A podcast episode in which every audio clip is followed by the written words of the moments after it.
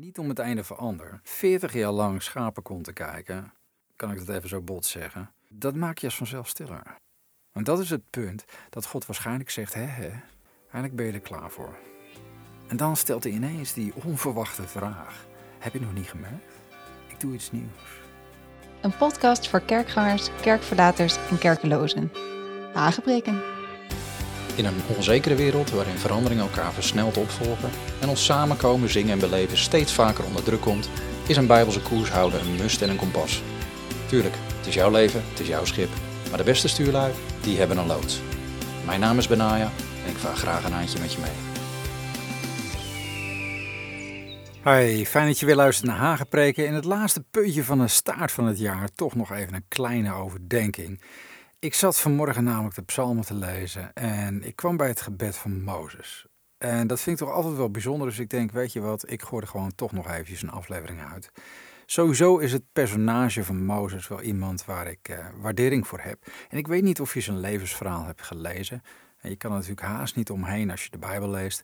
Maar de grote lijnen worden zo'n beetje in elke kinderbijbel uiteengezet. Dus misschien, als je christelijk bent opgevoed, ben je er al wel langer mee bekend.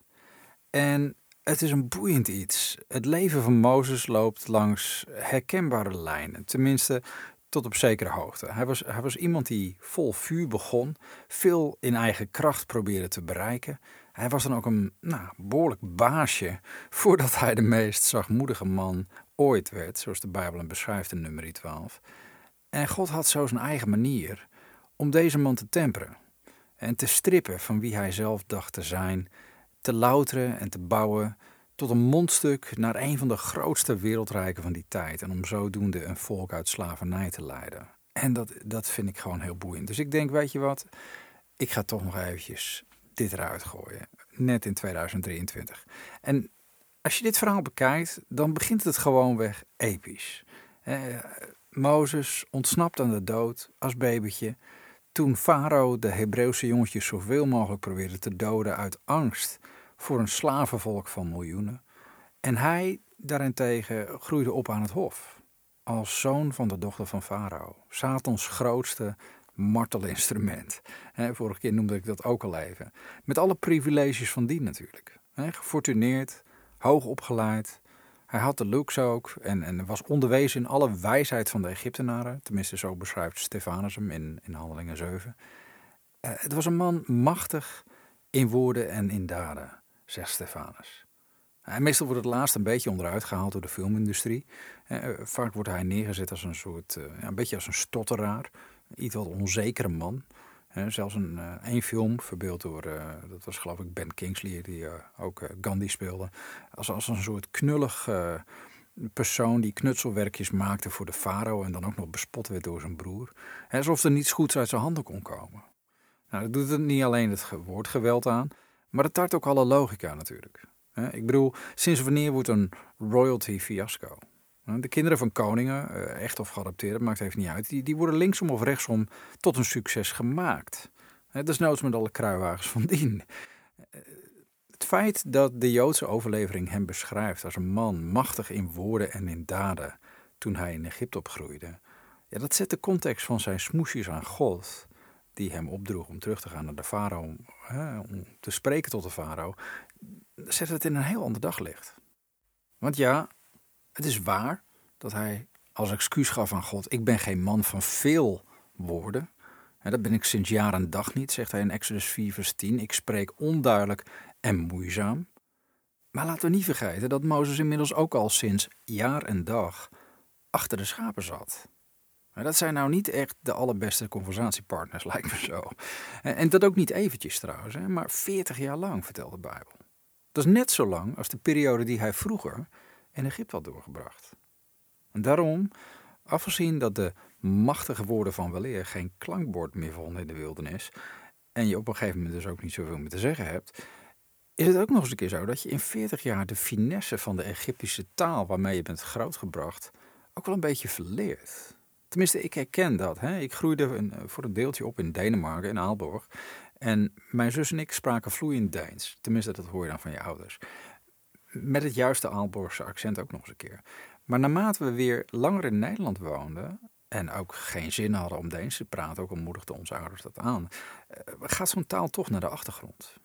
En zelfs al was mijn zus ouder en herinnerde zij zich wel veel meer uh, van die taal dan, dan, dan ik, zelfs voor haar gold dat op een gegeven moment, dan kun je niet meer duidelijk verstaanbaar maken in het Deens. En op een camping hoor je dan wel mensen praten, je weet dan ongeveer waar het over gaat, maar op een gegeven moment raak je dat kwijt. En conversatie wordt vanzelf moeizaam door een gebrek aan gespreksomgeving, waardoor je op latere leeftijd moet zoeken naar woorden. Net als Mozes. Maar Mozes had meer redenen om niet Gods mondstuk te willen zijn. Hij was niet glorieus zegevierend uit Egypte getrokken of zo, hè, met de nodige saluutschoten en afscheidscadeaus. Hij had zijn switch van woon- en werkomgeving, om het zo maar even te zeggen, niet uit vrije keus gemaakt. Hij was gevlucht. het begon natuurlijk allemaal met de beste bedoelingen, hè, zoals wij ook vaak dingen met de beste bedoelingen doen, maar die dan anders uitpakken als gedacht of gepland. En Mozes had in die tijd oprecht medelijden met de mensen van zijn eigen volk, dat in slavernij zat. En vanuit een hart om hun last te verlichten, nam hij zijn bescherming. Alleen misschien net iets te fanatiek. Hij vermoordde daarin een Egyptische bewaker. Alleen, in plaats van dankbaarheid, kreeg hij verwijt. Een verwijt toen hij verbindend en als vredestichter wou optreden tussen twee van zijn vechtende volksgenoten. En uit angst voor represailles voor de eerdere daad, wat kennelijk inmiddels een publiek geheim bleek te zijn, rende hij voor zijn leven. En ik kan me zo voorstellen dat zijn hart en zijn dromen van hoe het zou kunnen gaan en verwachtingen van zijn eigen kunnen eh, volledig aan dichtelen werden geslagen. En enerzijds was dat natuurlijk te wijten aan zijn omstandigheden. Hij verkeerde nog in een positie dat hij geen keuze had gemaakt. Hij voelde zich aan de ene kant deel van het volk wat Egypte moest dienen als slaaf. En tegelijkertijd was hij ook nog steeds deel van de Egyptische establishment. Nou, hij behoorde tot de heersende klasse. Hij maakte deel uit van het tyrannieke bewind die Israël tot slaaf had gemaakt. Die dit volk misbruikte voor eigen gewin. En het probeerde te decimeren door middel van een beleidsmatige babymoord, lezen we dan. Maar anderzijds was de hand van God ook op Mozes leven. En de Heere God heeft er nu eenmaal een handje van, dat is niet in oneerbiedig bedoeld, um, om ons te brengen op een punt dat we ook echt stelling gaan nemen. Dat we duidelijk een keus maken aan welke kant we staan. En vrijwillig of moedwillig, hij stelt ons altijd voor de keus en, en zegt dan in Mozes' eigen woorden: Het leven en de dood heb ik je voorgehouden, de zegen en de vloek. Kies dan het leven, omdat je leeft, jij en jouw nageslacht. Dat lezen we in Deuteronomie 30 zo mooi. Maar Mozes was niet zo ver. Op dat punt nog niet. Hij wist alleen wel dat eten van twee walletjes, ja, dat werkt niet. Het was duidelijk niet mogelijk om als prins van Egypte een Hebreeuws volk te helpen. En het bleek een onwerkbare belangenverstrengeling, om, om het maar zo te zeggen. En wat hij deed, dat kwam hem duur te staan. Ondankbaar te staan ook. En dus had hij nog maar één optie: vluchten. En daarmee verloor hij letterlijk alles wat hij had gekend van kinds af aan. Zijn veilige omgeving, zijn huis, zijn haard, zijn hebben, zijn houden. Zijn inkomensgarantie, zijn toekomstperspectief. Waarschijnlijk ook de liefde van zijn pleegmoeder. We weten niet of hij veel contact had met zijn eigen familie, dat weten we eigenlijk niet. Maar ook zijn vrienden, de hofhouding, het personeel die waarschijnlijk ook gewoon hem diende. Maar daar stopte het niet. Hij verloor ook alles wat hij had opgebouwd: aan naam, aan reputatie, aan invloed, aan zeggenschap. Alles wie hij geworden was binnen de wereld die Egypte heette. Ja, ik herken het wel een beetje, een klein beetje. Zo van, je hebt een dynamisch leven, je bent bekend, je wordt gevierd, gewaardeerd om alles wat je doet en opzet. En je hebt een enorm sociaal netwerk, je komt overal, je kent iedereen, spreekt tot grote menigte, leidt expedities en teams. En dan ineens kom je stil te staan, full stop. Zonder dat je het zelf verkoos, beland je abrupt in een soort niemandsland. Een wildernis waar je zelf niet hebt gekozen. Je wordt uitgekotst, zwart gemaakt, moedwillig vergeten. En eenmaal in die wildernis gebeurt er dan vrijwel niets meer. En daar, weg van alles en iedereen, gestript van alle dynamiek van weleer, heb je alleen nog je vrouw en de schaapjes die God je toevertrouwt. En dat laatste wordt je dan bijzonder kostbaar. I've been there. Done that. Got the t-shirt. Misschien niet van het kaliber Mozes, maar toch, mensen die mij kennen, weten dat het niet zomaar een makkelijke opmerking is voor mij. Ik heb wat meegemaakt. Ga ik geen boekje over open doen? Is deze podcast niet voor. Maar ook bij Mozes gold. Het was niet eventjes. Niet een korte intermezzo. Het was heel lang.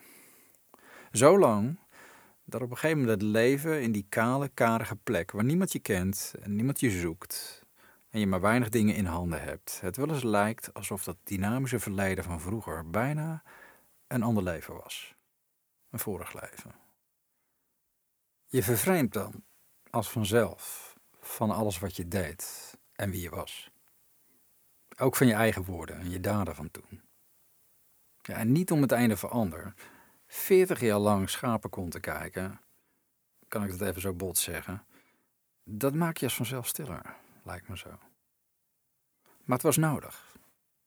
God moest Mozes namelijk losmaken van een wereld die niet de zijne was. Los van een politiek en religieus systeem, om te kunnen zien waar zijn eigen volk in werkelijkheid slaaf van was geworden. En tot die tijd zag Mozes enkel de fysieke slavernij en eh, alle emotionele topspin die dit ongetwijfeld veroorzaakt in het leven van zijn volksgenoten. Maar om hen te bevrijden, vertrouwde Mozes vooral op zijn eigen kunnen en zijn eigen positie. Maar om hen werkelijk te bevrijden van het Egypte dat zich had geworteld in het hart van de Israëlieten, waardoor zij ook andere goden dienden, volgens Jozua, moest hij eerst zelf uit Egypte vluchten en moest Egypte ook uit hem worden gebannen. Hij moest beseffen dat blijven in Egypte zijn dood zou worden. Dat Egypte hem gewoon niets meer te bieden had. De zogenoemde wijsheid van Egypte mocht hem niet meer baten. De gebruiken en de spiritualiteit moesten ongepast zijn, niet meer bij hem passen. De taal moest hem zelfs vreemd worden, doordat hij een andere taal ging spreken. Zie je de geestelijke parallellen al? Aan deze dingen moest ik denken toen ik vanochtend zo het gebed van Mozes doorlas. En ik het je even voorlezen? Je vindt het in Psalm 90. Daar staat vers 1 gewoon, een gebed van Mozes, de man Gods. Heere, u bent ons een toevlucht geweest van generatie op generatie. Al voor de bergen geboren waren, bergen worden geboren, prachtig. En u de aarde en de wereld voortgebracht had. Ja, van eeuwigheid tot eeuwigheid bent u, God. U doet de sterveling terugkeren tot stof en zegt: Keer terug, mensenkinderen. Want duizend jaren zijn in uw ogen als de dag van gisteren, wanneer die voorbij gegaan is, of als een waken in de nacht. U spoelt hem weg, zij zijn als de slaap. In de morgen zijn ze als het gras dat opkomt. In de morgen bloeit het gras en komt het op. En s'avonds wordt het afgesneden en het verdort. Want wij vergaan door uw toorn. Door uw grimmigheid worden wij door vrees of door schrik overmand. U stelt onze ongerechtigheden voor uw ogen en onze verborgen zonden in het licht van uw aangezicht. Want al onze dagen gaan voorbij door uw verbolgenheid. We brengen onze jaren door als een gedachte. De dagen van onze jaren, daarin zijn 70 jaren, of als wij zeer sterk zijn, 80 jaren. Maar het beste daarvan is moeite en verdriet want het wordt snel afgesneden en wij vliegen heen. Wie kent de kracht van uw toorn en uw verbolgenheid? Wie weet hoezeer u te vrezen bent? Leer ons zo onze dagen tellen, opdat wij een wijs hart verkrijgen. Keer terug, heren, hoe lang nog? Laat het u berouwen over uw dienaren en verzadig ons in de morgen met uw goede tierenheid. Dan zullen wij juichen en verblijd zijn tijdens al onze dagen. Verblijd ons overeenkomstig de dagen waarin u ons verdrukt hebt, overeenkomstig de jaren waarin wij het kwade hebben gezien. Laat uw werk aan uw dienaren gezien worden, uw glorie over uw kinderen. De lieflijkheid van de Heer onze God zij over ons. Bevestig het werk onze handen over ons. Ja, het werk van onze handen, bevestig dat. Ik las dit en ik dacht, wat een ontnuchterend gebed. Wat een zelfkennis ook. Het is duidelijk een gebed van verootmoediging, van een gebroken man. Het is een gebed waarin Mozes de almacht van de Heere God erkent en zijn eeuwige alomtegenwoordigheid. Maar ook dat wij als mensen met God te maken hebben, als rechter boven alles. Degene die onze gedachten en gangen weegt. Bot gezegd, degene die ons kan maken en breken. En daarin laat Mozes zien dat hij iets helder heeft na al die jaren. Zijn volksgenoten verweten hem destijds: wie heeft jou als leider en rechter aangesteld? Dat stelt Stefanus ons in Handelingen 7. En Mozes had zich inderdaad zelf opgeworpen als leider en rechter. Hij behield zich het recht voor om een leven te nemen en om recht te spreken. Maar hoewel ook de Heer hem als leider had apart gezet, moest hij Mozes eerst nog brengen tot op het punt dat hij wist dat slechts één recht spreekt over allen, en dat is de schepper. En dat doet hij op zijn tijd. En in zijn gebed laat Mozes duidelijk blijken dat hij hiervan inmiddels doordrongen is. Hij gaat zelfs nog een stap verder. Hij weet zich totaal afhankelijk van de Heer wat betreft de vervulling van het geluk in dit leven. Hij zegt: leer ons zo onze dagen tellen dat wij een wijs hart verkrijgen. Keer terug, Heer, hoe lang nog? Verzadig ons in de morgen met uw goede tierenheid. Dan zullen wij juichen en verblijd zijn tijdens al onze dagen. Maar goed. Terwijl de klok wegtikt naar het einde van het jaar, bid ik dat ik en mijn gezin, maar ook jullie als luisteraars van deze podcast, dezelfde wijsheid mogen krijgen. Dat we de dagen die de Heer ons toebedeelt, en we weten niet wanneer de ons toebedeelde jaren zijn verstreken, zoveel is me inmiddels wel duidelijk, maar dat we in elk geval in die dagen die God ons geeft, dat we zullen wandelen in de nodige godsvrezendheid, waar ik ook eerder over sprak in het vorige seizoen. Want wijsheid begint daar, hè? Spreuken 9 vers 10, bij godsvrezen. Maar ik bid ook dat we van Hem het inzicht zullen krijgen hoe we onze dagen goed kunnen gebruiken. Want we leven inderdaad in een slechte tijd, zegt Paulus, hè? Efeze 5. Ja, dat klinkt wat depressief misschien, maar het is wel iets waar steeds meer mensen van doordrongen zijn. Zowel christen als niet-christen. Misschien is het besef hiervan wel versneld met de komst van het internet, dat zal licht. Maar misschien is het ook wel vanwege het feit dat, nou, waar ik het vorige keer over had, dat de laatste dagen door de Heer Jezus zijn getypeerd als gelijk aan de dagen van Noach. Hè, gekenmerkt door een toenemend geweld en het feit dat de hartsgedachten van mensen steeds meer en steeds vaker slecht lijken te zijn. Nou, hoe dan ook, je kan tegenwoordig het nieuws niet meer aanzetten of je hoort van nog meer geweld, of, of rampen, of conflicten, oorlogen en vooral veel, heel veel crisissen. En we schijnen ze bovendien ook nog allemaal het hoofd te moeten bieden, met z'n allen. Terwijl we eigenlijk nooit meetbare vorderingen lijken te maken. Hè? Ongeacht hoeveel tijd, geld en energie we er ook in stoppen. Ben, ben ik de enige die me dat opvalt. Eh, je wordt er als vanzelf moedeloos van als je niet uitkijkt. Hè? Het is zoals Spreuken 13 zegt. Eh, almaar onvervulde hoop maakt het hart ziek. En dat zie je steeds meer in de maatschappij. En tegelijkertijd, en dat bid ik voor jou, dat je ondanks de dingen die momenteel over de wereld komen in deze laatste dagen, dat je toch hoop zult krijgen.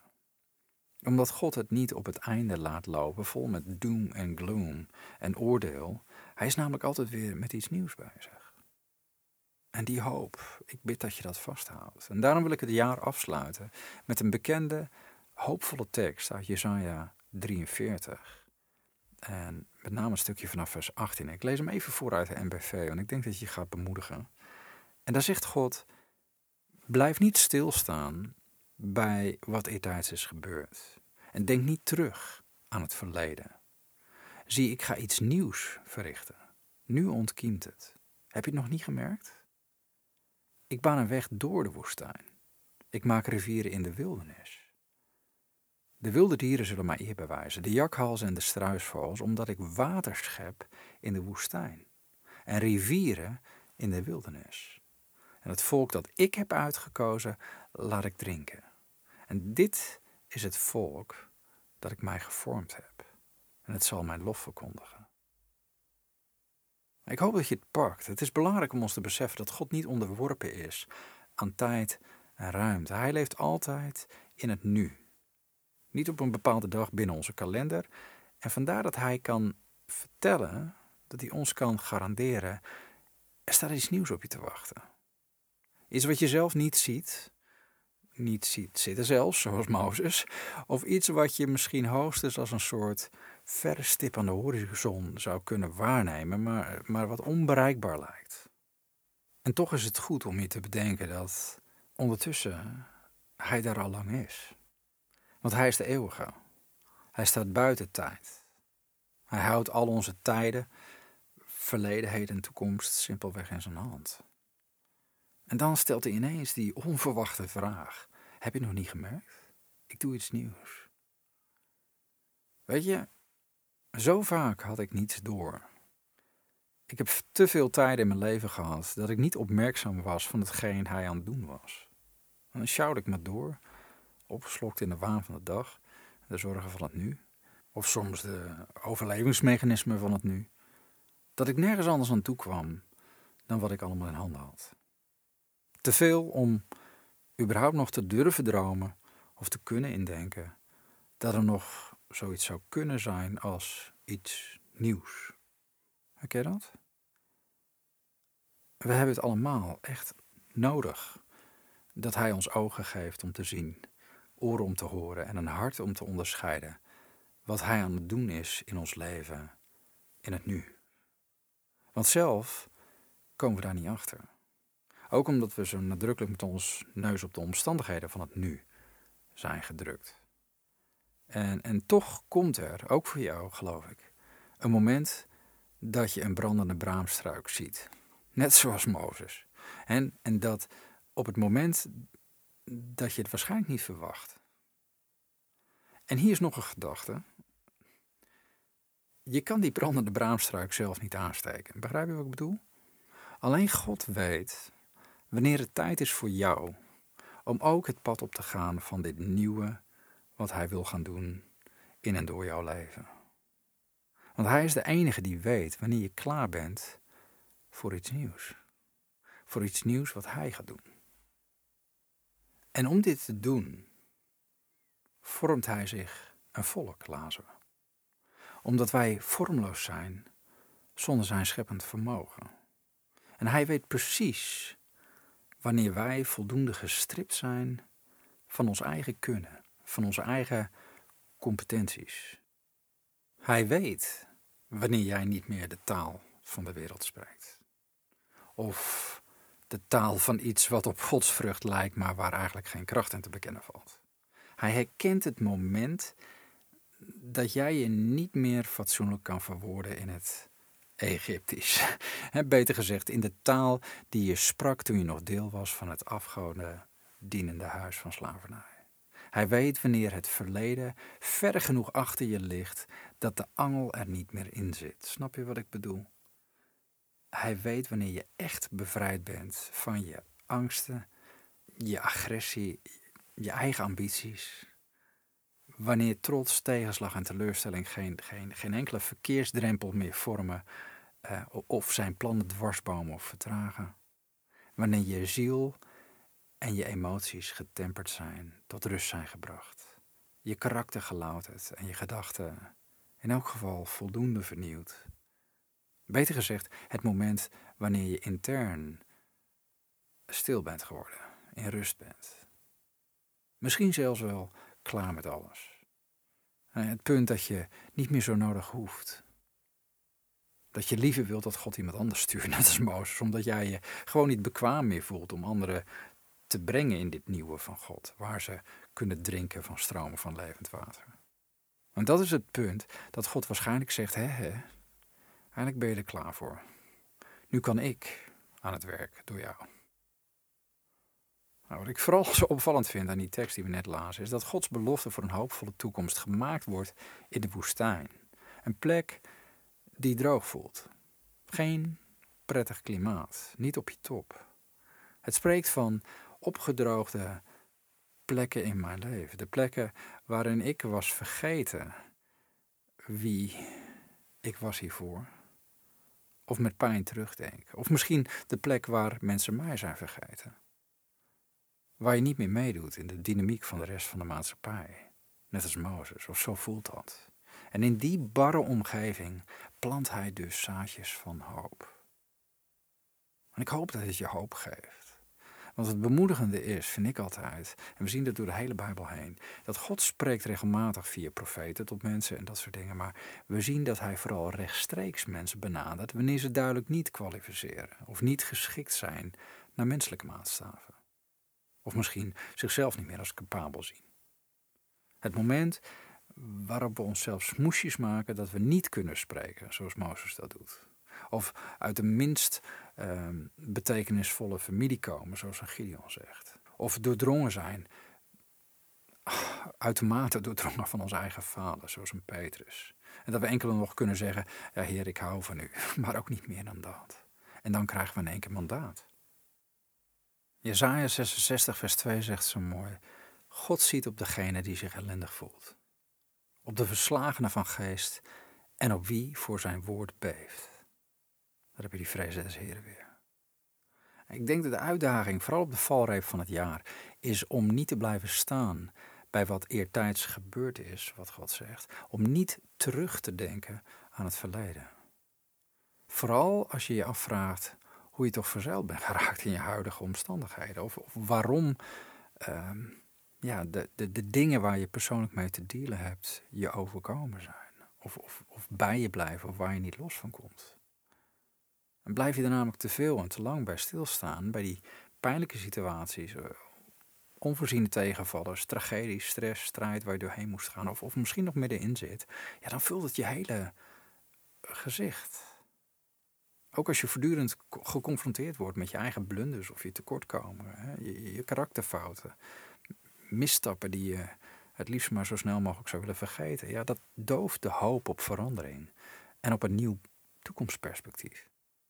En misschien is dat wel de reden dat de Heer ons vertelt dat we niet langer in het verleden moeten blijven steken. Want de focus op het verleden verduistert je toekomst. Misschien is dat ook de reden dat Paulus bijvoorbeeld in Romeinen 8 hè, zegt dat niets ons kan scheiden van de liefde van Christus. Dood niet, leven niet, geen engel niet, geen overheid niet, geen kracht. En dan zegt hij geen heden en geen toekomst. Maar het verleden laat hij opvallend genoeg buiten beschouwing. Lees maar eens na, uh, Romeinen 8. Is dat bewust? Is dat de reden dat zelfs de schepper ons in Jesaja 43 ons op het hart moet drukken dat we niet moeten blijven stilstaan bij ons verleden? Ik denk het wel. Want het feit is, wat is gebeurd en wat je hebt gedaan of wat je is overkomen of wie je volgens jou bent geworden, dat kan je gevangen houden. De schaamte en de pijn en de beschadigingen of, beschimpingen uit het verleden zijn ongetwijfeld reëel. Het is allemaal gebeurd. En toch zegt God dan juist tegen ons: Heb je nog niet gemerkt dat er iets nieuws ontkiemt? En dit is de reden dat Mozes bad: Verzadig ons in de morgen. Dat is een nieuw begin, een nieuwe dag. Met uw goede tierenheid. Dan zullen we juichen en verblijd zijn tijdens al onze dagen. Mozes besefte dat in de wending van ons leven, de uitredding uit onze omstandigheden, de bevrijding van onszelf, niet komt uit onszelf, maar van de Schepper. En ik bid dat dit besef ook het jouwe wordt in 2024. God gaat iets nieuws doen. Hij vergeeft nog steeds, hij herstelt nog steeds, hij vormt zich ook nog steeds een volk. En jij mag er deel van zijn. Sterker nog, jij mag een rol spelen om mensen daar deel van te maken. En hij heeft zo zijn wegen en zijn manieren om ons daarin binnen te brengen. Want uiteindelijk zullen we allemaal het lied van Mozes zingen, zoals Openbaring 15 zo mooi zegt. Misschien moet ik het er ook nog even bij pakken. Openbaring 15, vers 3 en 4. Dat zegt, en zij zongen het lied van Mozes, de dienstknechten van God, en het lied van het Lam. Met de woorden groot en wonderbaarlijk zijn uw werken, heren. Almachtig God, rechtvaardig en waarachtig zijn uw wegen. Zie, ik maak een weg in de woestijn. Koning van de heiligen. Wie zou u niet vrezen, heren, en uw naam niet verheerlijken? Immers, u alleen bent heilig.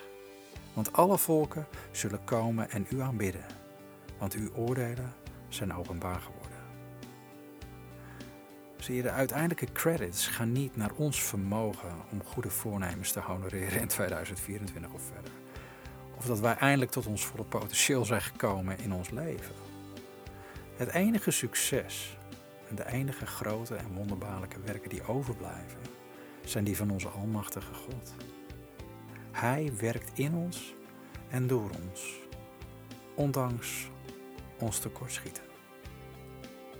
De eer gaat naar Hem, de koning van de heilige wordt hij genoemd. En Hij gaat iets nieuws doen. Voor jou en mij. Op het moment dat we in de wildernis zitten. Iets waardoor Zijn naam verheerlijkt zal worden en anderen zich bewust zullen worden van Zijn heerschappij. En dat is dus mijn wens voor jou in 2024. Dat je er eindelijk achter komt dat je Egyptisch niet meer zo best is. En dat je klaar bent voor een brandende braamstruik. Want God gaat iets nieuws doen in jouw leven en door jou.